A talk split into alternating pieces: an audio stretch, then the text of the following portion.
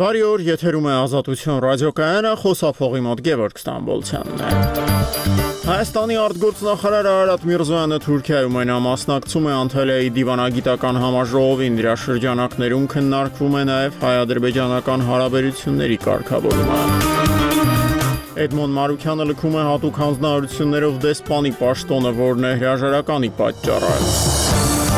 Ինչու չեն պատժվել մարտի 1-յան իրադարձությունների պատասխանատուները Երևանի կենտրոնում տեղի ունեցած ողբերգական իրադարձություններից 16 տարի անց այս հարցն են բարձրացնում զոհերի հարազատները։ Մոսկվայում վերջին հրաժեշտն են տալիս Ռուսաստանյան ընդդիմության առաջնորդ Ալեքսեյ Նավալնին։ Նախ սակայն այս ժամի լուրերը ներկայացնում է Harman Koloana։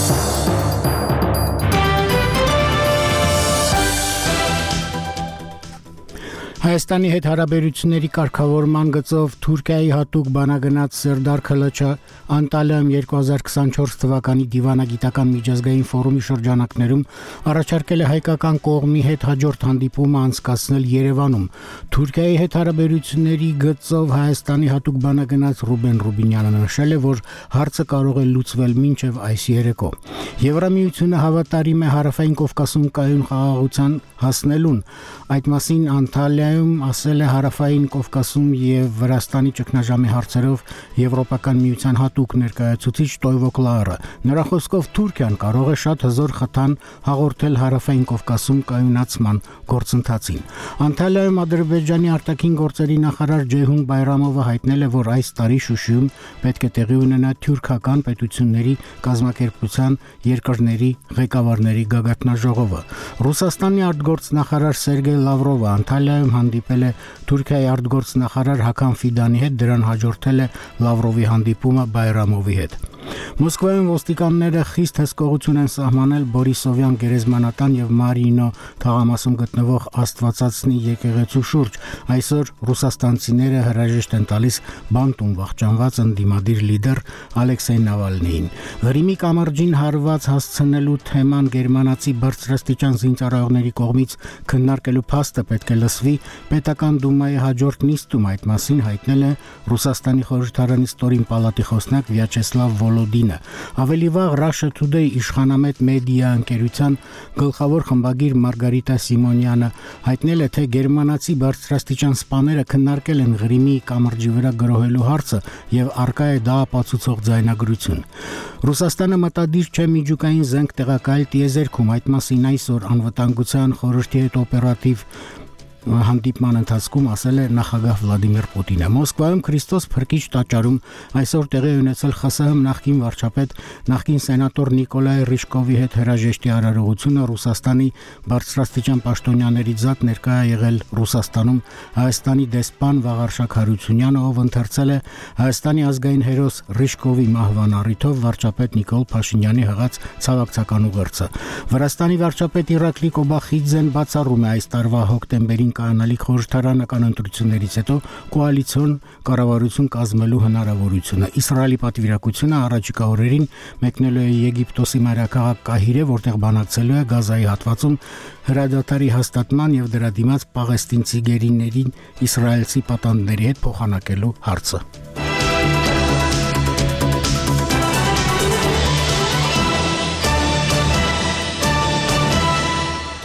Շնորհակալություն Արմեն, շարունակում ենք թողարկումը. Նախ տեղափոխվենք թուրքական Անտալիա, որտեղ այսօր մեկնարկել է ամենամյա միջազգային դիվանագիտական համաժողովը, դրան մասնակցում է նաև Հայաստանի պատվիրակությունն արտգործնախարար Արարատ Միրզոյանի գլխավորությամբ Անտալիայի ֆորումի աշխատանքների առաջին իսկ ժամերին բարձ դարձավ։ Դրա քննարկման հիմնական թեմաներից մեկը Երևանի եւ Բաքվի հարաբերությունների կարգավորումն է։ Անտալիայի ֆորումի ընթացքում հայկական, ադրբեջանական եւ թուրքական կողմերից հնչած հայտարարություններն իմի է բերել Լուսինե Մուսայելյանը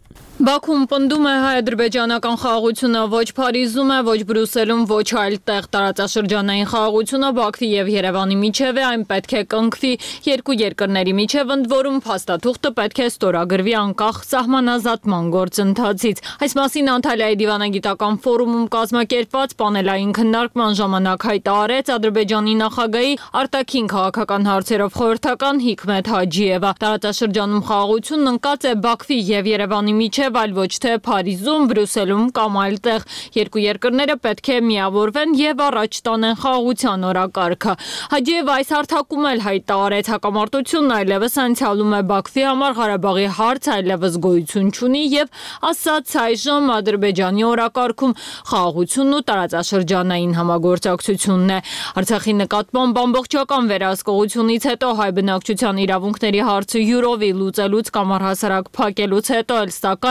Բաքվի առարկություններն ու պահանջները Երևանի նկատմամբ չեն նվազում։ Ադրբեջանական կողմն այժմ էլ խաղաղության խոչընդոտ է համարում Հայաստանի սահմանադրությունում եւ այլ օրենքներում արկա մի շարք դրույթներ, որոնք ադրբեջանցի պաշտոնյաների գնահատմամբ Բաքվի նկատմամբ տարածքային պահանջներ են ենթադրում։ Հաջև այսօր հայտարարեց Հայաստանից պատասխանի են սպասում այդ հարցով։ Պատասխան հնչեցրեց քննարկմանը մասնակցող Հայաստանի ազգային ժողովի փոխնախագահ Ռուբեն Ռուբինյանը, թեև Բաքվի դժգոհությունների եւ պահանջների ֆոնին է Հայաստանի իշխանությունը սկսել խոսել երկրի մայր օրենքը փոխելու անհրաժեշտության մասին, Ռուբինյանն այդուհանդերձ պնդեց. Հայաստանի սահմանադրությունը, օրենսդրությունը Հայաստանի ներքին գործն է եւ որևէ կապ չունի խաղաղության գործընթացի հետ։ Խորհրդարանի փոխոսնակը հիշեցրեց, որ պաշտոնական Երևանն այդ թվում վարչապետ Նիկոլ Փաշինյանի շուրթերով բազմիցս հայտարարել է, որ ճանաչում է Ադրբեջանի տարածքային ամբողջականությունը։ Ավելին պնդեց, որ տարածքային նկարտումները նաև խաղաղության պայմանագրի դրույթներով են բացառվում։ Ռուբինյանն արձագանքեց Հաջիևի մյուս մեղադրանքին, թե խաղաղության պայմանագրի շուրջ բանակցություններին զուգահեռ Հայաստանը զինվում է։ Հայաստանը ընդամենը ամրապնդում է իր պաշտպանությունը, քանի որ անվտանգության հետ կապված մտավախություններ ունի, այդ թվում Ադրբեջանի պատճառով։ Հայտարարեց Ռուբինյանը եւ հավելեց. Միջդեռ Բաքուն ձեռք է բերում ոչ միայն պաշտպանական սպառազինություն։ Իդեպ նույն այդ րոպեներին Ադրբեջանի արտգործնախարարությունը հաղորդեց, որ Անտալիայի դիվանագիտական ֆորումի մասնակցող արտգործնախարար Ջեյհուն Բայրամովը հանդիպում է ունեցել Թուրքիայի ռազմաարդյունաբերության գործակալության ղեկավար Հալուկ Գյորգունի հետ եւ քննարկել համագործակցության ընդլայնմանը վերաբերող հարցեր։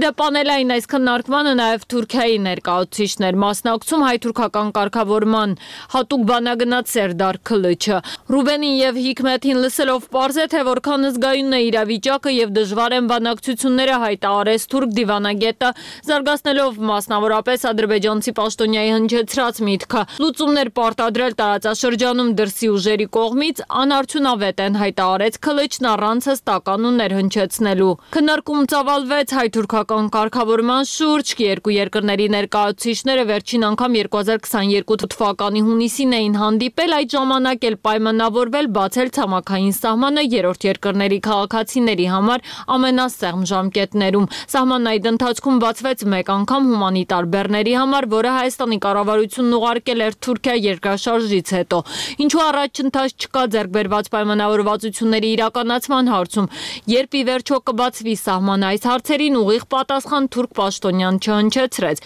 Միայն ակնարկներ, թե Անկարան փոխվստահության ուղված քայլեր է ակնկալում Երևանից։ Քլիչը առաջարկեց բանակցությունները վերսկսել, ընդ որում հանդիպումն անցկացնել Երևանում։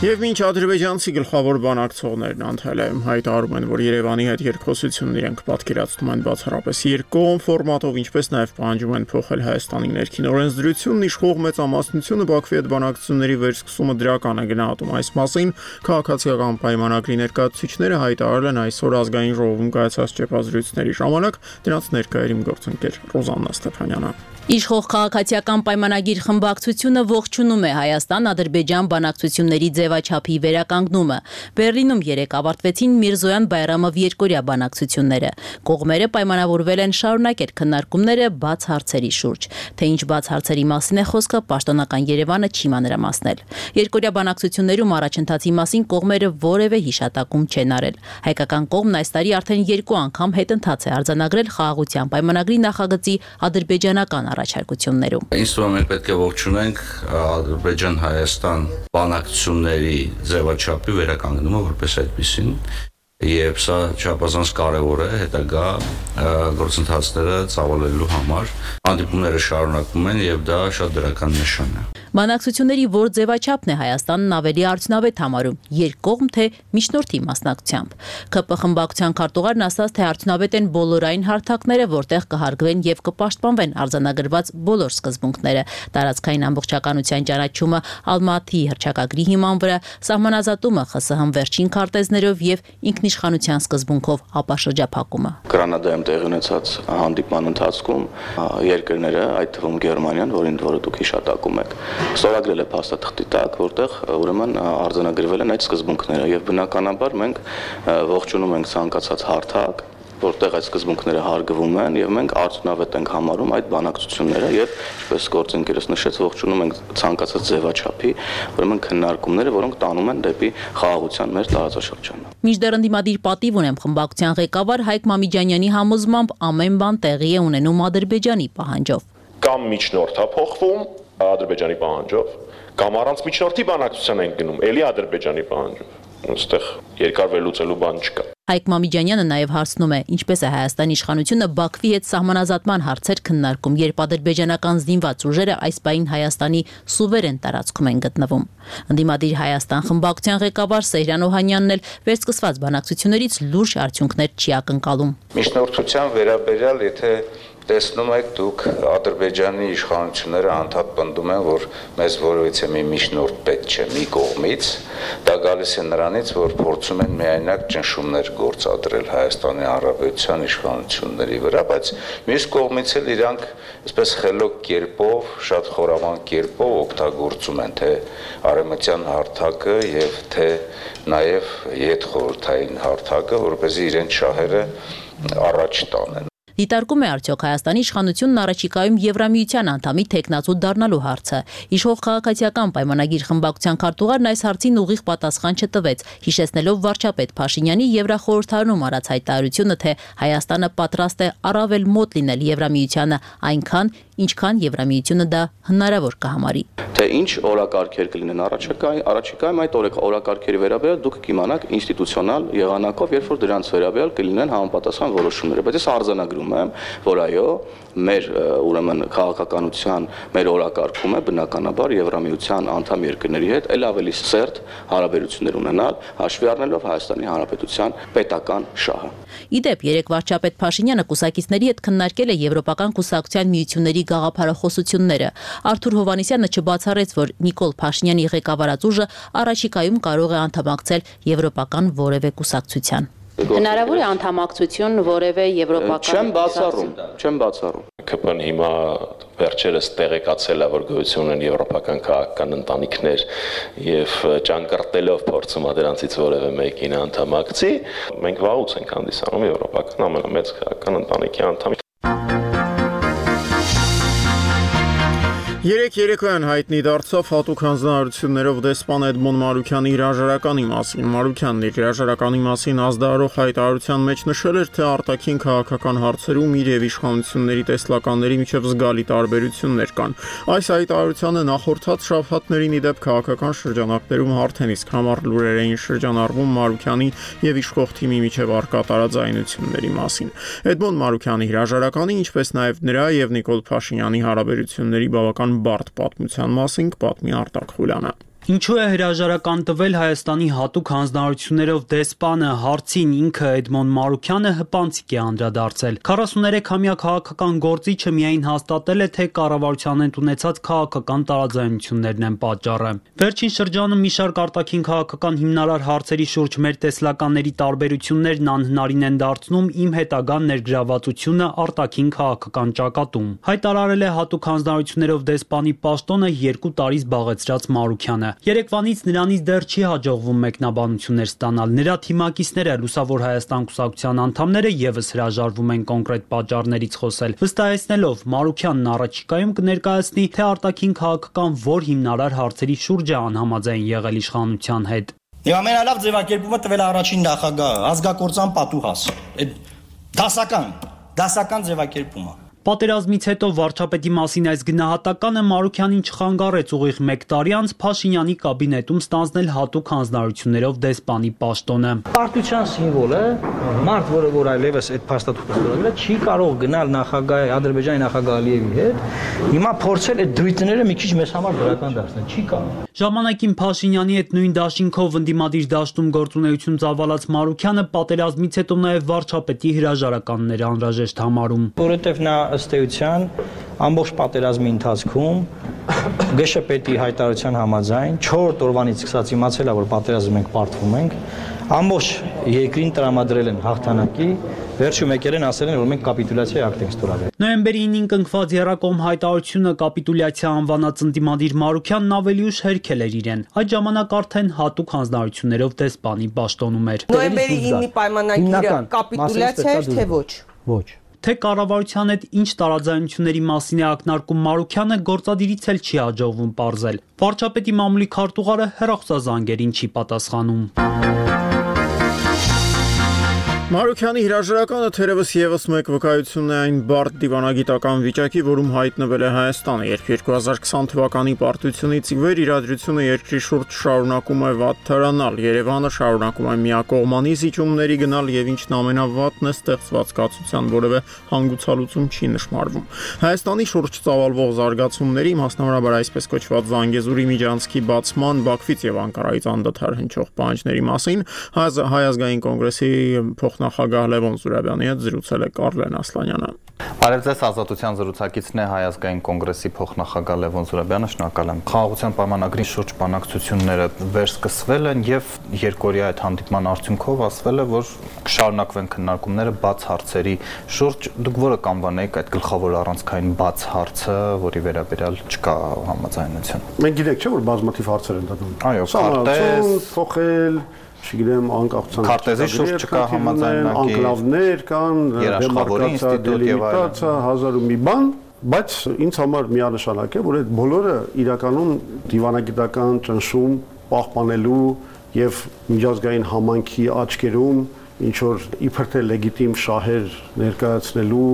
շղարշի տակ է արվում իրականում բուն փորացավը եւ բուն խնդիրը, որը Ադրբեջանը փորձում է ամեն գնով լուծել, կուզեք դա միջանցքի հարց համարեք, կուզեք դա կոմունիկացիայի հարց համարեք, դա Նախիջևանը Ադրբեջանի հետ կապող միջանցքի ստեղծման խնդիրն է ու երբ որ Նիկոլ Փաշինյանը ասում է որ մեր դեմը կանգնած է երկու ցուլ մենք պետք է կարմիր շորը մեր վրայից հակնենք ինքը իրականում շատ սենց ասեմ ոչ թե կարմիր այլ վարթագույն պատկեր է ներկայացնում որովհետև մեր դեմը կանգնած է երկու գայլ որոնք ուզում են իրականում ոչ թե որ մենք մեր շորը հանենք այլ ուզում են մեր ոդկա ուտեն, հոշոտել, որովհետև նրանց պետք է այդ միջանցքը առանց որևէ ստուգումների, առանց վճարների, ոնց որ մենք Ադրբեջանի ներսում ենք գնում։ Այսինքն դա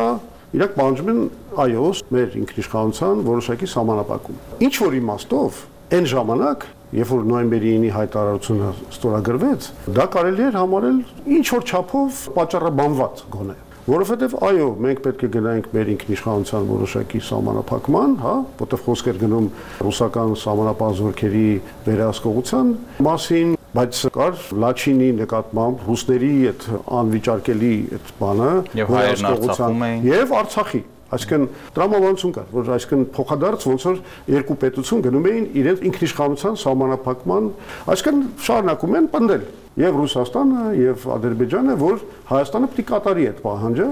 եթե խաղաղությունը է ստորագրվի։ Հիմա այս ստեղծված վիճակը իրենց մեղավորությունն է, բայց հիմա ստեղծվել է։ Նորից տրամաբանություն պետք է լինի։ Եթե Գաղափարը այն է, որ ադրբեջանցիք ասում են, որ մենք պետք է կարողանանք մեր երկրից մեր երկիր գնալ անխոչնդոտ, ուրեմն սկզբունքը պետք է տարածվի նաև Հայաստանի վրա, ճիշտ է։ Այսինքն դա նշանակում է, որ առնվազն պետք է կարողանան նույն սկզբունքներով, օրինակ մենք կարողանանք Երևանից գնալ Մեղրի։ Այդ դեպքում ամեն ինչ տրամաբանական է դառնում։ Այսինքն նորից մենք վերականգնում ենք ինչ որ սիմետրիայի։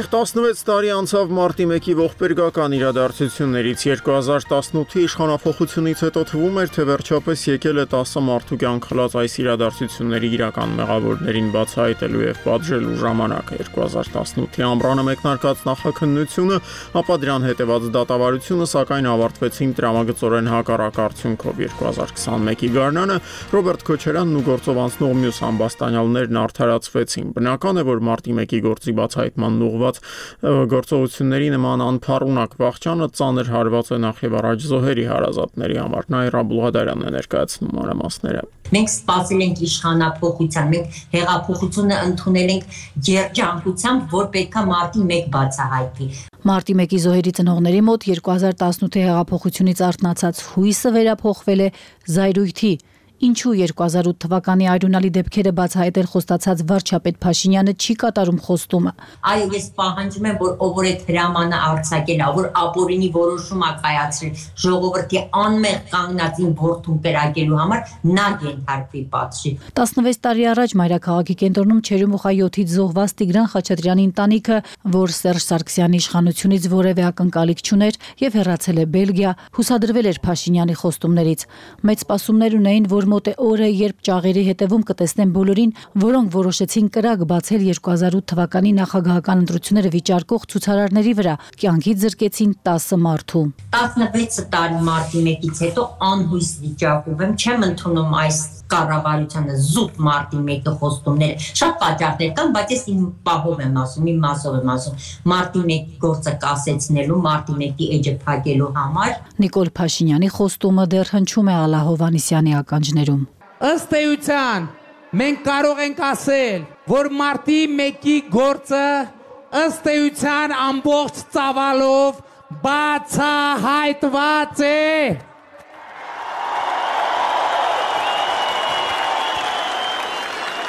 Վարչապետի հավաստիացրած բացահայտված գործով սակայն չկա գետ մեկը, որը պատիժ է կրում իր արարքի համար։ Կա ընդհանրապես 4 մեղադրյալ, 4-ն էլ հետախուզվում են։ Միայն մի մեղադրյալի քննիչի գործ է դատարանում, որը մեղադրվում է ապացույցները կեղծելու համար ժամանակը հոսում է եւ հոսել է նաեւ նախկինում վաղեմության ժամկետները լրացել են այստեղ բախվելու խնդիր չկա ժամանակը գնացել է անցել է գործը հսկող դատախազ Հայկ Հովանիսյանն առանձնացնում է այն խնդիրները որոնցով բախվում են 2008-ին տեղի ունեցած հանցագործության քննության ընթացքում վաղեմության ժամկետներ ժամանակի ընթացքում տարբեր պատճառներով խոտանված զենքեր ապացույցները հավաքելու բարդություն վկաների կողմից դեպքի մանրամասները հիշելու խնդիրներ չնայած սրան քննությունն ակտիվ ընթանում է ասում է Հովանիսյանն ու օրինակ օրինակ բերում, նշանակված են դատաձգաբանական փորձակնություններ։ Այն զենքերն են, որոնք հիմա խմբականակներով արգրավում ենք ոստիկանության տարբեր ստորաբաժանումներից եւ ներկայացնում փորձակնության, քանի որ ինչպես դիակների մարմիններից Մարտի 1-ի զոհերի այնպես էլ դեպքի վայրից հայտնաբերվել են գնդակներ, պարկուճներ, որոնք հույս ունենք, որ կկարողանանք այս եղանակով նույնականացնել։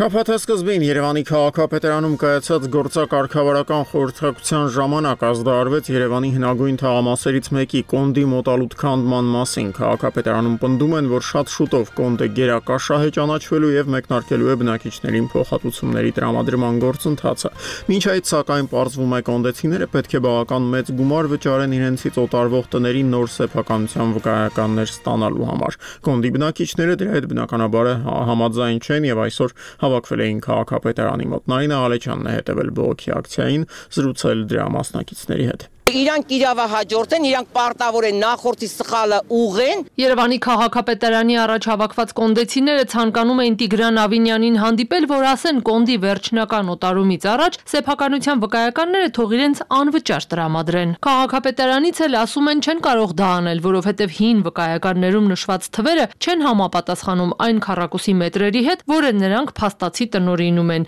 Իսկ այդ տարբերությունն իրենց անունով գրանցելու համար կոնդեցիները պետք է 1 քառակուսի մետր կադաստրային արժեքի, այսինքն 139-ից մինչև 214 հազար դրամի 2%-ը վճարեն քաղաքապետարան։ Այս մուծումների համար նրանք առավելագույնը 3 ամիս ժամանակ ունեն։ Դա ֆիքսված գումար 10000-ա, 15000-ա, մենք էլի որպես քաղաքացիներ պարտավորում ենք վճարենք, բայց ոչ թե մեր քառակուսու հաշվով բերեք հաշվեք 2% ու դա ծանր բեռա մեր ուսերին։ Եթե չենք կարողանա որտեղից վճարենք։ Դե ունենանք, ունենանք, բայց խեղճ կոնդեցին, որ ունենար այդ բաների մեջ չեր ապրի։ Հիմա դղյակներ առած կներ, դղյակներում կապրել։ Ուրեմն չունենա, որ այդ բաներում ու կրսների հետ են ապրում։ Կոնդեցիները մտան քաղաքապետարան ու արագ դուրս եկան։ Ձեզ ով էր ասել, որ Ավինյանն է ընդունելու, հիմա ինչ ասել։ Ինձ ոստիկանները ասեցին, որ ձեզ ընդունելու են։ Մենք գնացինք, տեսանք, որ իրանց նամակների վարչության պետն է ու ասում է, չէ, մենք բան ենք անելու։ Մեզ ասեք նոր, ձեր եք առնում։ Մեզ ասել են անվճարա լինելու, բայց դրա հետ մեկտեղ այնքան ձգեցին, բերեցին դեկտեմբեր հարցրեցին, որ այս հարցը ասենց մեզի ծանր բերի տակ են մտցել։ Ով էր ասել անվճար։ Պարոն Ավինյանն էր ասել ընտրաշավի ժամանակ։ Քաղաքապետարանից փոխանցեցին Ավինյանը շենքում չէ, իսկ պաշտոնական պատասխանը նույնն է։ Մարտիկ պետք է վճարեն այդ գումարներն այնպես ինչպես բոլոր քաղաքացիները։ Հակառակ դեպքում կոնդի օտարման ժամանակ իրենց վկայականներում եղած թվերի դիմաց փոխհատուցում կստանան, այսինքն ավելի քիչ։ Կոնդեցիներն իրենք էլ դեմ են այս տարբերակին, բայց ասում են, սա քաղաքային իշխանությունների բաց թողումն է։ Նախորդ, ներկա իրենց չի հետաքրքրում, խնդիրը թող անվճար լուծեն։ Համաձայն չեմ, որտեվ իմ քարակուսին շատ քիչ է, Ես դրանով 3 տղա երեխեք ունեմ, ես չգիտեմ որտեղ վարձով են ապրում հիմա իմ տղան։ Դրա համար ասում են սեփականաշնորհեք, վճարեք, որ փոխհատուցման ժամանակ շատ գումար ստան։ Ունենամ, վճարեմ։ Բայց որ չունեմ, որտեղից վճարեմ։ Ունենամ վճարեմ։ Եթե ունենամ, այսօր էլ կվճարեմ, բայց մի կերպ բան որ ընտանիք մարդենք աշխատանք էլ չունենք։ Ֆռացին, ֆռացին, հիվանդ, հիվանդ, երրորդ կարգի հիվանդ տղա ունեմ։ Որտեղից վճարեմ։ 20 տարուց ավելի է մենք պայքարում ենք մեր տների օրինականացման հետ կապված նախկինում եկած թերությունները շտկելու համար 20 տարի այդ թերությունները կա քանի որ այսօր քաղաքապետարանում կապ չունի ով է այնտեղ նստած իրավահաջորդեն, իրանք պարտավոր են նախկինում արած սխալները, թերությունները վերականգնեն։ Ծրագրի ավարտին էլ տեղափոխվենք Մոսկվա, որտեղ այսօր վերջին հրաժեշտն են տալիս ռուսաստանյան ընդդիմության առաջնորդ Ալեքսեյ Նավալնուն երկու շաբաթ առաջ կալանավայրում մահացած Նավալնու արկավորությունն ուղեկցվում է ոստիկանական ուժեղացված հսկողության եւ իշխանությունների սքո արարողությունը քաղաքական ցույցիչ վերածելու կոշտ զգուշացումներով։ И не боялся, и мы не боимся. И не боялся,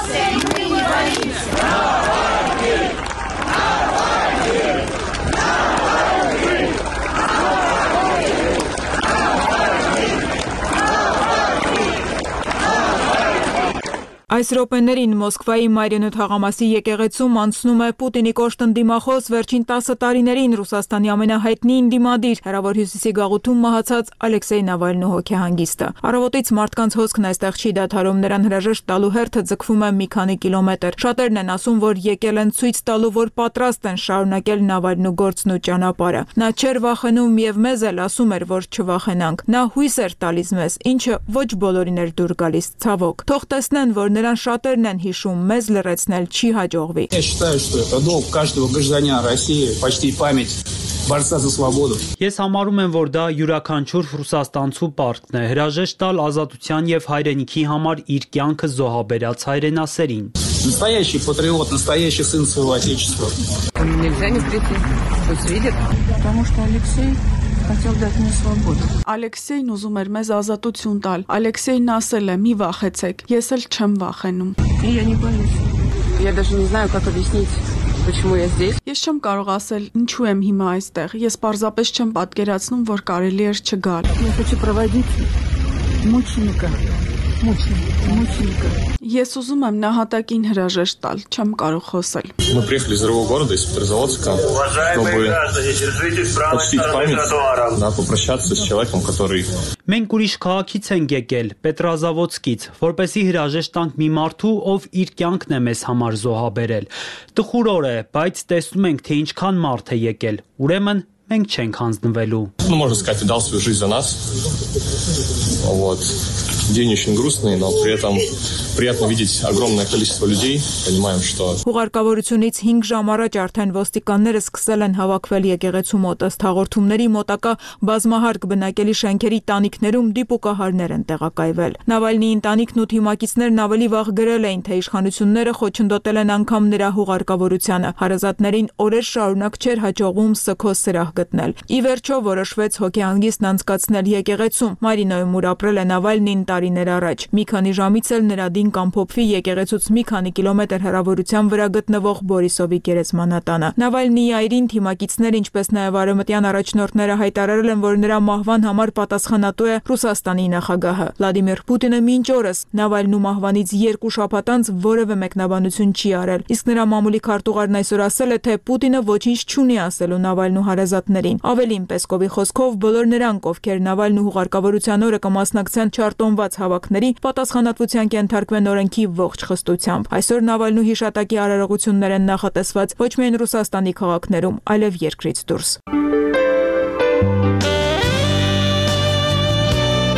Այժմին այսքանը խոսափողի մոտ Գևորգ Ստամբոլցյանն էր ազատության երեկոյան թողարկումը եթերում կլինի ժամը 19-ին։